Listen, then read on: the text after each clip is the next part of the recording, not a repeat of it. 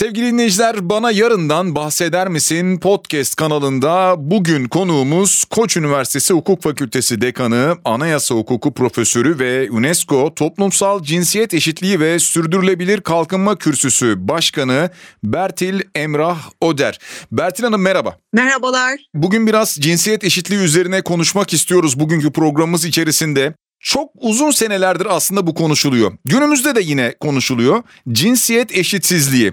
Ve bugüne kadar geldiğimizde birincisi öncelikle nasıl bir ilerleme oldu onu merak ediyorum. İkincisi bu cinsiyet eşitsizliğinin temeli sizce neye dayanıyor? Çok teşekkür ediyorum. Herkese sevgilerimi, sağlık dileklerimi iletiyorum.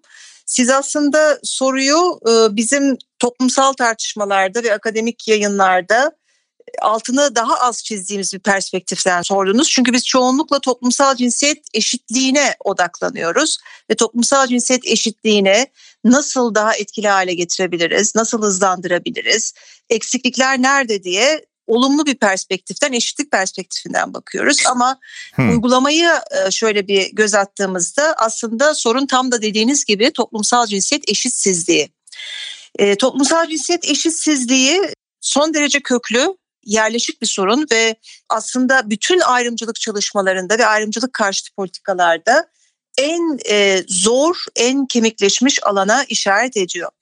Ve bu alandaki gelişmeler çok çok yavaş oluyor. O kadar e, yavaş ki özellikle e, kadınların e, siyasal katılımını gerçekleştiren oy hakkına ilişkin gelişmelere baktığımız zaman aslında aşağı yukarı e, 200 yıllık e, bir tartışmayı da e, dikkate almak zorundayız. Ki bu 200 yıllık e, evrime sonradan eklenen kıta Avrupası dahil olmak üzere birçok devletin olduğunu anımsamak zorundayız. Yani e, 18. 19. yüzyılda başlamış olan bir tartışmanın aslında 20. yüzyılın ortalarında dünyada e, bir hak olarak yaygınlık kazandığını da görmek zorundayız. Bugün için e, Türkiye'ye odaklandığımızda ve Türkiye'yi diğer karşılaştırılabilir örneklerle ele aldığımızda Türkiye'deki bazı alanlarda kadınlara ve kız çocuklarına yatırım yapıldığında sıçramaların olduğunu ve bu sıçramaların düzeyini e, uzun vadede koruduğunu gözlemliyoruz. Hmm. Ama bu yatırımın yapılmadığı alanlarda sözünü ettiğim yatırım salt bir ekonomik yatırım değil aynı zamanda bir entelektüel yatırım bir toplumsal yatırım da olabilir. İşte bu yatırımının gerçekleşmediği alanlarda ise e, gerilemelerin so, son derece e, kemikleşmiş o köklü yapısını koruduğunu da gözlemliyoruz. Peki şimdi aslında soruyu şöyle soracaktım ama değiştireceğim. Gelecekte cinsiyet eşitsizliğini ortadan kaldırmak için ne yapmalıyız diyecektim. Fakat soruyu şöyle değiştireyim. Gelecekte cinsiyet eşitliğini sağlayabilmek adına ne gibi adımlar atmalıyız? Biraz daha olumlu yandan bakalım. Ve aynı zamanda ne gibi yatırımlar olmalı? Biraz entelektüel yatırımlardan da bahsettiniz tabii. Evet. Ee, şimdi öncelikle e, yani sorunuzun yanıtlamadığım e, ya da üstü kapalı bıraktığım noktasına değinerek e, oradan bu ikinci soruyla devam edeyim. Bir kere toplumsal cinsiyet eşitsizliğini e, körükleyen temel etken ne? Bu hiç kuşkusuz cinsiyetçi ön yargılar.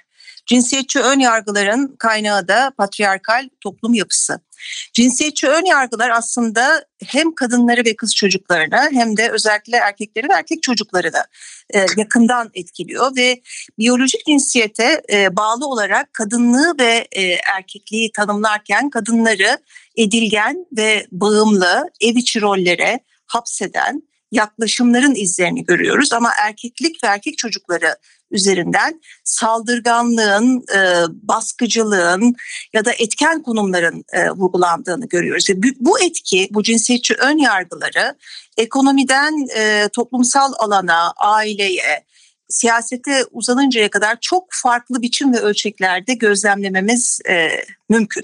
Dolayısıyla söz gelimi e, meslekler bakımından kadınlara daha çok yakışacağı düşünülen meslekler, erkeklere uygun olmadığı ileri sürülen e, meslekler ayrımında bakım rolleri söz gelimi hemşirelik konusunda Türkiye e, yaklaşık e, 10-12 yıl önce filan Anayasa Mahkemesi'nin bir kararı sonucunda erkeklerin hemşirelik mesleğine kabul edilmesini bir uygulama haline dönüştürdü. Hmm. İşte e, bu patriarkal e, örüntülerle karşı karşıya kaldığımızda da özellikle kamu politikasının önemini vurgulamamız gerekir.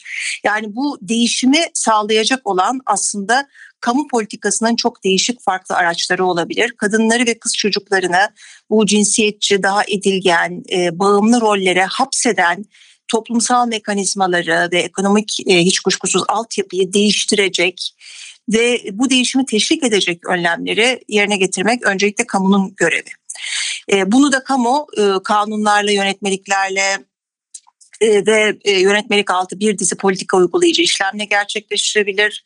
Etkili eşitlikçi bir yargı sistemiyle gerçekleştirebilir ama diğer yandan da sivil toplum e, ve aynı zamanda bir takım ekonomik aktörlerin de hızlandırıcı araçlarla bu teşvik mekanizmalarını uygulamalarını e, sağlayabilir. Bunlar neler olabilir? İyi işleyen ve iyi işlemeyen örnekleri bakmakta fayda görüyorum. Hı hı. Söz gelimi e, teşvik mekanizmaları e, örneğin iş yerlerinde e, kreşin açılmasına teşvik eden ve hatta bunu zorunlu kılan mekanizmalarla birlikte kadın liderliğini destekleyen e, programları ya da kadın e, dostu kadınları ev içine çekmeden ama kadın istihdamını artıracak ve kadın liderliğini pekiştirecek şekilde uygulayan şirketlere dönük vergi indirme hmm. e, politikaları, ödüllendirme e, politikaları iyi işleyen örnekler olarak karşımıza çıkıyor. E, yaptırım uygulayan politikalar, cezalandırıcı politikaların söz gelimi kota, siyasetteki kota uygulamalarında e, pek iyi işlemediğini görüyoruz ama kota uygulamalarının teşviki ya da benzer hızlandırıcı araçların yani örneğin e, süreye bağlı hedefler koyarak kadın liderliğini parti içinde hmm. e, pekiştirme, kadınların daha az temsil edildiği e, mesleklerde alan tanıma, e, kız çocuklarını e, fen ve mühendislik alanında temsil çok daha düşük olduğu için o yöne yönlendirecek destek politikaları gibi teşvik mekanizmaların çok iyi işlediğini görüyoruz. Türkiye bakımından söz gelimi e, Türkiye belki ona da gireriz bilemiyorum endekslerde e, genel olarak kadın istihdamında e, veya e, özellikle siyasal katılımda çok düşük performans gösterse de bir noktada çok güçlü. E, çok yakın tarihli e, Avrupa Komisyonu Türkiye raporunda Türkiye Avrupa Araştırma Alanı olarak tanımladığımız European Research Area yani ERA'da önde gelen e, bir kategoride yer aldı. Henüz bu endeks açıklanmadı hmm. ama Türkiye'nin ilk beşe girdiğini ben kişisel olarak tahmin ediyorum. Ama bu neyin sonucu? Türkiye'de e, Cumhuriyet modernleşmesinin de e, itici ilmesiyle birlikte kadınlara ve kız çocuklarına akademide yapılan entelektüel ve kamusal yatırımın sonucu. E, dolayısıyla üniversitelerde halen de kadın liderliğinde yani rektörler, dekanlar, ve benzer nitelikle e, yönetici pozisyonda olan kadın sayısı az olmakla birlikte son yıllarda büyük bir sıçrama var ama genel olarak kadın araştırmacı sayımız ve yetkin araştırmacı sayımız e, kadınlarda son derece çarpıcı ve Avrupa e, ortalamalarının üzerinde. Aslında çok iyi bir haber verdiniz. iyi bir haberden bahsettiniz Bertil Hocam. Şunu merak ediyorum bir yandan da. Evet bu sayılar artıyor. Bu güzel. Ama bununla beraber sizin anlattıklarınızı düşünüyorum. Her ne kadar kotalar da uygulansa veya belli oranlar yakalanmaya da çalışılsa daha yönetim ve yönetici kademelerinde kadınları sanki yine de daha az görüyoruz. Yine bu eskiden geçmişten gelen cinsiyetçi ön yargıdan mı kaynaklanıyor? Evet yani büyük çapta cinsiyetçi ön yargının artık sorgulanamaz e, bir şekilde içselleştirilmesiyle alakalı. Yani biz bu cinsiyetçi ön yargıları kadın ya da erkek içselleştirdiğimiz ve olağan kabul ettiğimiz için sorgulamadan süreçlerimizi devam ettiriyoruz. Kurumlarımıza baktığımızda Türkiye'de en önemli, en büyük e, eksikliğin hem kamuda hem de e, özellikle ekonomik e, aktörlerde, özel sektörde toplumsal cinsiyet eşitliği eylem planının olması olmaması olduğunu düşünüyorum. Daha yapısal önlemlere ve bunların sistematik bir şekilde takibine ihtiyaç var. Toplumsal cinsiyet eşitliği eylem planı bunun araçlarından bir tanesidir.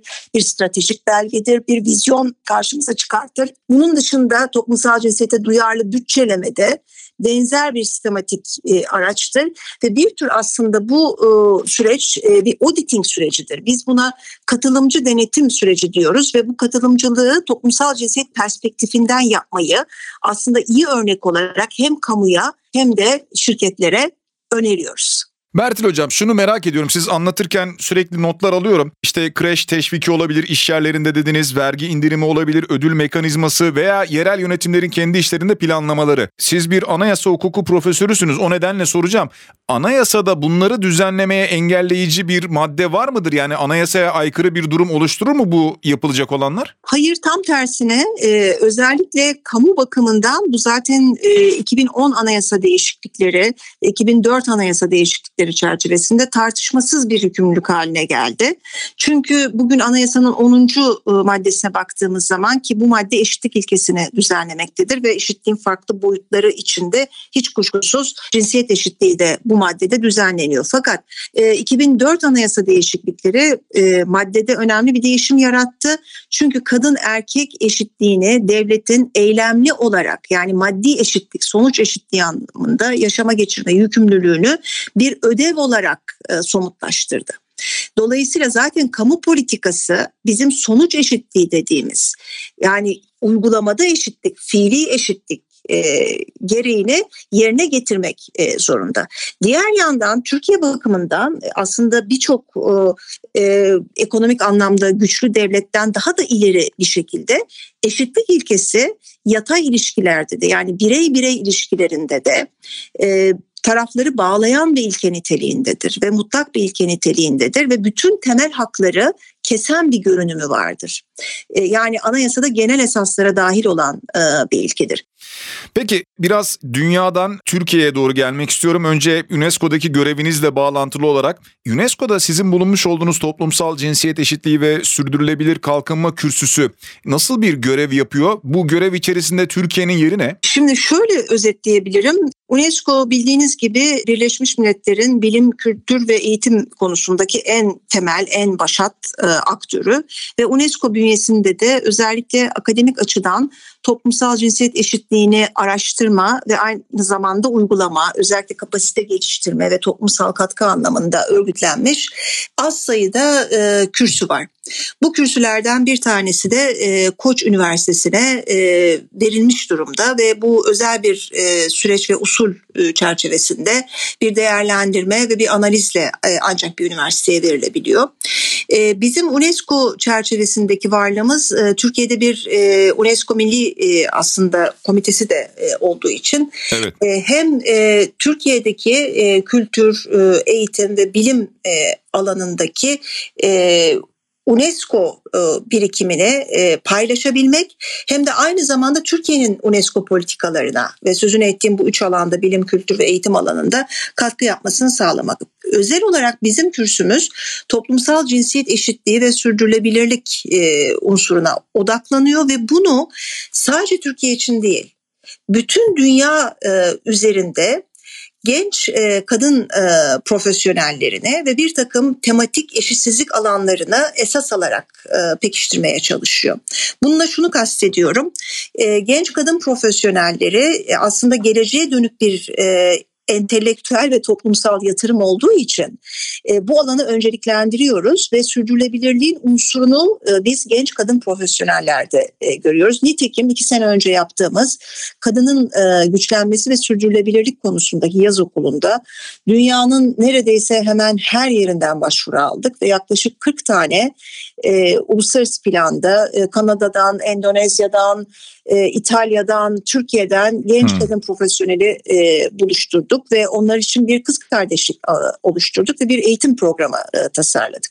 Diğer yandan sözünü ettiğim e, kritik alanları biz dünya ve Türkiye'yi düşünerek e, planlıyoruz ve burada kadına yönelik şiddet, e, kadınların kamusal katılımı ki bu hem siyasal katılımı hem de kamusal yaşama doğrudan katılım yani sivil toplumda da var olma anlamında e, yorumlanmalı. Hı hı. E, diğer bir nokta istihdam e, kadın istihdamı konusu ve son nokta kadınların ve kız çocuklarının eğitime erişme hakkı olarak tanımadık. Bu dört tane yapısal alan aslında e, Pekin artı beşte e, karşımıza çıkan Pekin bildirgesi ve Pekin e, eylem platformunda da benimsenen tematik dört önemli alan. Hiç kuşkusuz çok daha farklı sorunlar var ama bu dört alan dünyada kesişimsel olarak ve Türkiye'de de açıkları gördüğümüz alan olarak tanımlanabilir. İşte bu dört alanda biz özellikle genç kadınların güçlendirilmesi ve genç kadınlarla bir önceki e, kuşağı bir kuşaklar arası bağla buluşturmayı hedefleyen etkinlikler yapıyoruz. Diğer yandan tabii ki bir üniversite misyonu çerçevesinde kadın araştırmalarını ve özellikle toplumsal cinsiyete dayalı eşitsizliklere, hukuk, e, sağlık bilimleri, e, sosyoloji, ve e, aynı zamanda uluslararası ilişkiler perspektifinden ele alan güçlü uluslararası akademik e, yayınları sürdürme gayreti içindeyiz. Bizi dinleyenlere şunu da hatırlatalım. Siz aynı zamanda Koç Üniversitesi Toplumsal Cinsiyet ve Kadın Çalışmaları Araştırma ve Uygulama Merkezi'nin de direktörüsünüz. Kısa adı Koçkam diye geçiyor. Koçkam'ın da direktörüsünüz. Aslında biraz önce UNESCO ile bağlantılı olarak anlattınız e, çalışmaları. Ama Koçkam bünyesinde ne gibi faaliyetler var? Bunu da sormak isterim. Koçkam'ın buradaki hedef ve amaçları muhtemelen UNESCO ile örtüşüyordur diye düşünüyorum ama detay bilgi sizden alabilir miyiz? Evet e, kesinlikle. Tabii UNESCO bizim e, aslında uluslararası kamu politikalarına da katkı yaptığımız e, bir e, kürsü ve e, zaten UNESCO kürsümüzde e, Koç Üniversitesi Toplumsal Cinsiyet ve Kadın Çalışmaları Merkezimiz e, birbiriyle doğrudan e, bağlantılı ve yakın zamanda e, merkezimiz e, Birleşmiş Milletler'de e, akreditasyona da sahip oldu. Bir başka ifadeyle Birleşmiş Milletler'in e, hem e, kadınlar ve kız çocukları hem de genel olarak toplumsal cinsiyet eşitliğine ilişkin bütün sorunlar konusundaki e, politika yapıcılığına katkıda e, bulunacak. Bu politika yapıcılığının çok değişik biçimleri ve türleri olabilir. Bu bir Birleşmiş Milletler düzeyinde kararın çıkması da olabilir, bir eylem planının çıkması da olabilir e, ya da Pekin artı 5 sürecinde gördüğümüz gibi bir bildirgenin çıkması da olabilir ya da bir uluslararası anlaşmanın hazırlanmasına katkı sunulması da e, olabilir. Dolayısıyla bizim UNESCO kürsümüz Koçkam'ı e, aslında uluslararasılaştıran bir e, işlev görüyor ve politika odaklı araştırmaya da e, hizmet eden bir böyle araştırma e, odağı oluşturuyor ve bu araştırma odağı interdisipliner bir odak. Farklı disiplinlerden kişilerin bir arada çalışabileceği ve bir soruna birçok disiplinin e, bakış açısıyla çözüm bulabileceği araştırmalara odaklanıyoruz.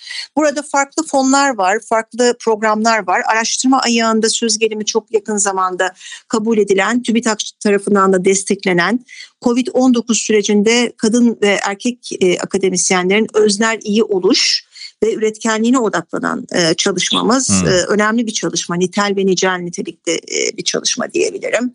Bir başka örneğin e, çalışmamız UN Women yani e, halen daha Türkiye'de de bir e, misyona sahip olan bu çok önemli e, Birleşmiş Milletler birimiyle ortaklaşa yürüttüğümüz e, kadına yönelik şiddet, siyasal katılım, e, medya e, ve kadın e, ve eğitim konularına e, odaklanan bir büyük yasa taraması faaliyetimiz oldu e, ve bunu da Türkiye Büyük Millet Meclisi'nde faaliyet gösteren Kadın Erkek Eşitliği Fırsat Komisyonu'na hmm. çıktı olarak e, sunduk. Yani politika yapıcıya yasal altyapıyı nasıl daha iyi güçlendirebileceği e, konusunda somut önerilerimizi bu e, ortak proje çerçevesinde sunduk. Tabii bunun dışında kapasite geliştirme programlarımız da var. Yani söz gelimi Sarıyer Belediyesi ile ve Esenyurt Belediyesi ile ortaklaşa yürüttüğümüz ve bölgedeki kadınlara seslenen, onlara haklarını özellikle şiddet boyutunda başvuru mekanizmalarına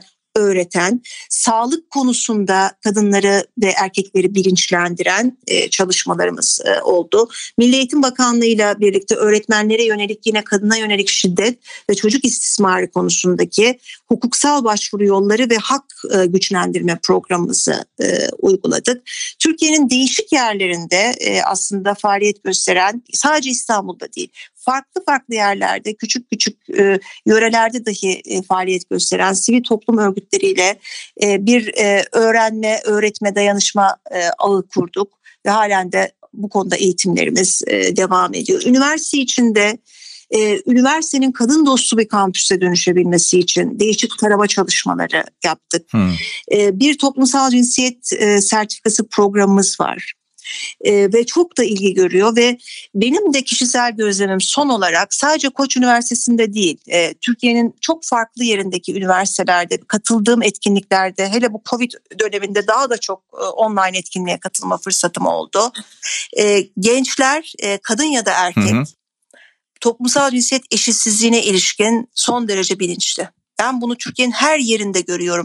Gençler boyutunda böyle bir hareketliliğin olması söz gelin benim içinde olduğum e, yani 80 ortası kuşağıyla karşılaştırıldığında hı hı hı. çok daha e, umut verici ve bu sahiplenici tutumu üniversiteler olarak ve genel olarak e, kamu e, oyu politikalarında herhalde dikkate almak çok büyük bir önem taşıyacaktır. Siz bunu söyleyince gerçekten mutlu oldum. Çünkü sorular sorulduğunda, cevaplar alındığında, anketler yapıldığında bu tip sorulara genelde beklediğimiz cevapları alıyoruz ama yani uygulamaya baktığımızda çok hayatta bu karşımıza çıkmıyor ama siz bu neslin içerisindesiniz şu anda. Bu gözlemde sizin gözleminiz çok değerli. O nedenle çok mutlu oldum. Birçok başlıktan, birçok alandan bahsettiniz. Biraz teknoloji alanından da konuşmak istiyorum. Yine bu noktada toplumsal cinsiyet eşitliğinin sağlanabilmesi için diyelim bir analiz de yayınlandı Koçkam tarafından bildiğim kadarıyla. Biraz bu analize ilişkin detay verebilir misiniz bize? Şimdi teknoloji ve kadın ilişkisinde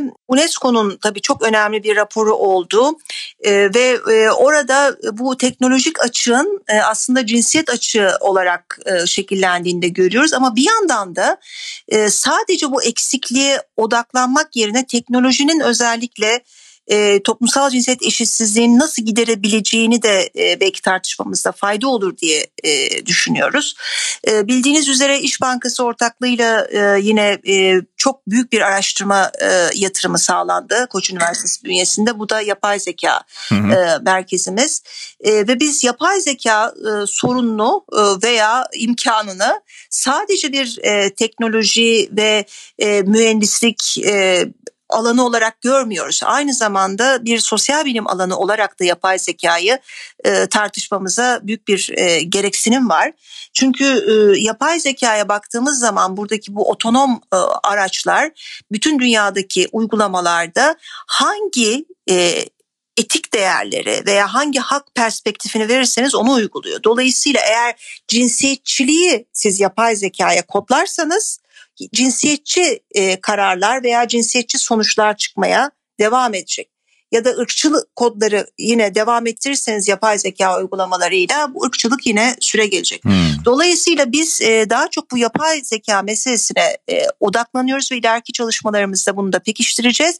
Fakat e, hem sorunlara e, biraz önce değindiğim gibi odaklanacağız hem de imkanlara odaklanacağız. Çünkü eğer yapay zekayı eşitlikçi, kucaklayıcı, insan haklarını önemseyen yani etik ve e, hukukun özel değerlerini içselleştirilmiş formlarla uygulayabileceğiniz alanları yaratırsanız o zaman daha eşit, daha adil, daha özgür bir toplumu yaratma imkanınız da var.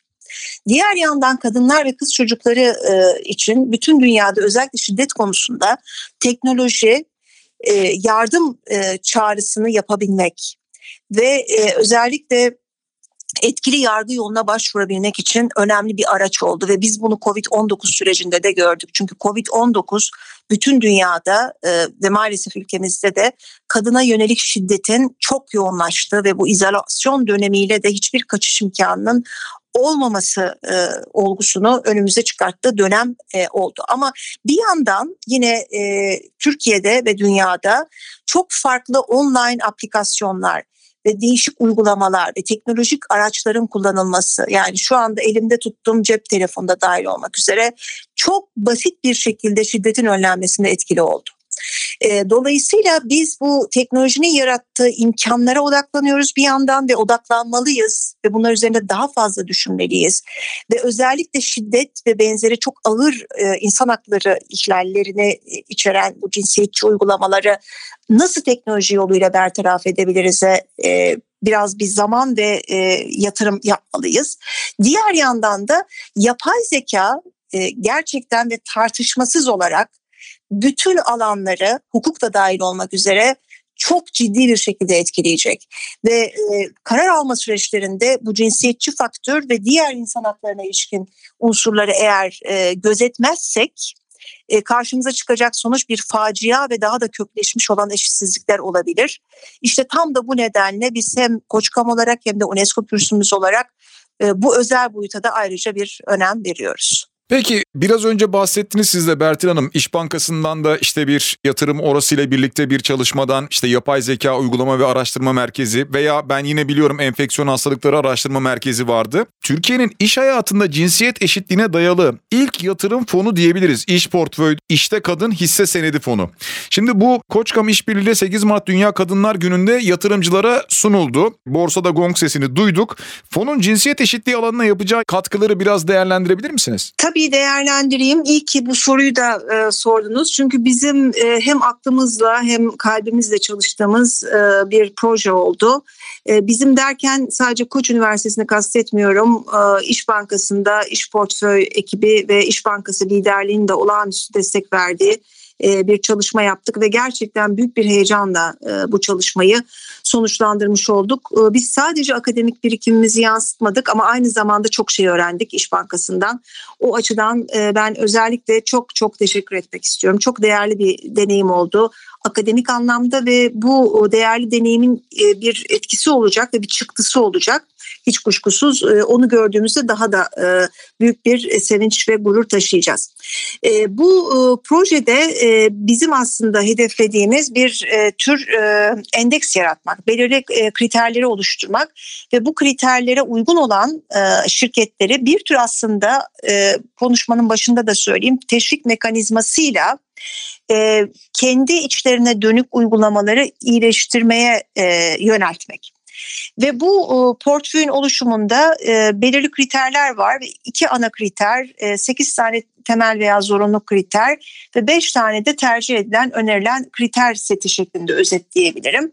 E, tabii bütün bu kriterleri biz iyi örneklere ilişkin akademik bulgulardan e, saptadık ve uygulanabilirliklerini ve nasıl uygulanabileceğini Türkiye'deki e, şirketlerin özellikle faaliyet raporlarını ve yaptıkları çalışmaları dikkate alarak e, kurguladık. Yani bir e, dilsel ve kavramsal özdeşlik de yaratmaya çalıştık. Biraz da ilham verici olmaya çalıştık ki iyi örnekler e, yayılsın. Söz gelimi zorunlu kriterlerimiz e, bakımından yönetim kurulunda en az bir kadın üye bulunması ya da yönetimde e, söz sahibi en az bir kadın personel e, bulunması öne çıktı ama temel ve zorunlu kriterlerde kadın çalışan toplam çalışan oranının en az Türkiye'de kadınların istihdamdaki payına eşit olmasını aradık ki o 2019 istatistiklerine göre 31.8 e, diye hatırlıyorum. Genel bir şirket politikası olarak toplumsal cinsiyet eşitliği, aile iş yaşamı dengesi ve bakım sorumluluklarının eşit dağıtılması e, gibi e, bir takım kriterleri listeledik. Bunlar tabii uzun uzun ayrıntısına girmiyorum. Bu yayınlandı zaten oradan da hı hı. bakabilirsiniz. Ama tabii ki ilham verici olması için tavsiye edilen kriterlerde özellikle kadın egemen alanlar ve erkek egemen alanları e, odaklayıp yatay ayrımcılık dediğimiz bu sorunla mücadeleye yönelen şirketleri de saptamaya çalıştık. Yani eşitlik yoluyla cam duvarları aşmak, erkek egemen alanlarda kadın liderliğinin olup olmaması, şirketin kendi içinde bir toplumsal cinsiyet eşitliği alt biriminin olup olmadığı e, ya da toplumsal cinsiyete ilişkin veri ve bilgilerin şeffaflığı ve bunların e, paylaşımı e, ya da e, kurum içindeki farkındalık çalışmaları, e, sivil toplumla olan e, ilişkiler e, gibi e, unsurlara da e, değindik ve bunları örneklendirme gayreti içinde olduk. Ve buradan ne, ne bekliyoruz? Tabii Hı. öncelikle biz şirketlerin içindeki bu cinsiyetçi yapılara ilişkin bilinç kazanmasını ve iyi örneklerin daha fazla öne çıkmasını istiyoruz. Bir yandan da bu iyi örneklerin birbirinden öğrenmesini ve çoğalmasını istiyoruz. Sonuçta da biz bu portföyün tabii ki e, gelirleriyle ya bize ayrılacak olan payla aslında hem kadın araştırmalarını e, sürdürmeyi ve sah- daha geniş ölçekli e, saha araştırması dediğimiz ve çok büyük aslında e, ekonomik kaynak isteyen bu araştırmaları Türkiye ölçeğinde yapmayı planlıyoruz. Ama bir de bir kadın liderliği programı oluşturmayı planlıyoruz. Bu kadın liderliği programının esin kaynağı hem UNESCO e, Kadının Güçlenmesi Yaz Okulu programımız oldu hem de daha önce yaptığımız Matra projesi olarak bilinen e, iyi rol modellerini genç kadın liderliğinde öne çıkartan bir eğitim uygulama programımız oldu. E, biz bu kadın liderliği meselesine hem kadınların birbirinden e, öğrenebileceği hem de kurumsal deneyimlerden genç kadınların yararlanabileceği bir program olarak düşündük. İçinde mentorluğun da olduğu e, ve e, daha büyük bir birikimin, büyük bir kız kardeşlik ağının oluştuğu bir yapıyı hayal ediyoruz. E, hem sağ araştırmaları dediğim gibi hem de kadın liderliği bakımından e, bu uygulamalı kapasite geliştirme programını e, destekleyebilirsek e, gerçekten büyük bir sevinç duyacağız. Ve Koç Üniversitesi'nde özellikle doktora e, düzeyinde ve bir takım kritik alanlarda yani kadın temsilinin düşük olduğu alanlarda e, bu genç araştırmacıların desteklenmesi buraya yapılacak yatırımın da önemli bir geri dönüşünün e, olacağı kanısındayız. Bertil Hocam tüm bu anlattıklarınızın dışında size başka bir şey soracağım. Bir anayasa hukuku profesörüsünüz. Koç Üniversitesi'nde hukuk fakültesinin dekanısınız. UNESCO'da göreviniz var. Koçkam'ın direktörüsünüz. Bunun dışında bizim daha belki burada sayamayacağımız birçok göreviniz var, sorumluluğunuz var. Yazdığınız yazılar, çalışmalarınız, makaleleriniz var. Şunu soracağım. Kendinize vakit ayırabiliyor musunuz? Ee, çok zor oluyor gerçekten ee, çok zor oluyor ama bir yandan da işte bu yaptıklarım da aynı zamanda kendim olduğum için yani kendimi onlarda bulduğum için ve kişisel bütünlüğümü bu çalışmalarla sağladığım için ve bu çalışmaları da belirli bir kalitede yaparak yapmaya gayret ederek en azından hı hı. E, faaliyetlerimi yürüttüğüm için şikayet etmemem gerekir diye düşünüyorum. Sağlıklı olduğumuz e, sürece yani şikayet etmeden işlerimize odaklanabiliriz. E, tabii ki ben de her yoğun çalışan kişi gibi kendimden çok bu gibi durumlarda işte aileme zaman ayırdım mı diye hep onu sorguluyorum. Yani orada daha fazla düşündüğümü ayırt ediyorum.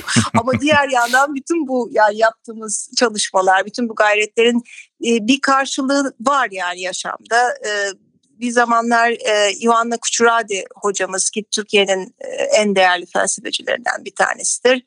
Nasıl yaptınız diye e, sorduğunda yaptım oldu demişti hı hı. ve gerçekten de insan e, adanmış bir şekilde ve inanarak e, çalışmalarını e, yürütüyorsa ve bunun da bir karşılığı olduğunu görüyorsa o herhalde e, sürede sağlıklıysa bir de e, daha fazla bir şey beklemesine, daha fazla sorgulamasına belki gerek yok. Bir tek işte sevdiklerimize e, yeterli, etkili, kaliteli zaman ayırabilelim. Peki çok teşekkür ediyoruz değerli görüşleriniz için sağ olun. Ben çok teşekkür ediyorum. Çok güzel sorular sordunuz. Ben de sizlerle birlikte olmaktan büyük bir mutluluk duydum. Çok çok teşekkür ediyorum ilginize, desteğinize.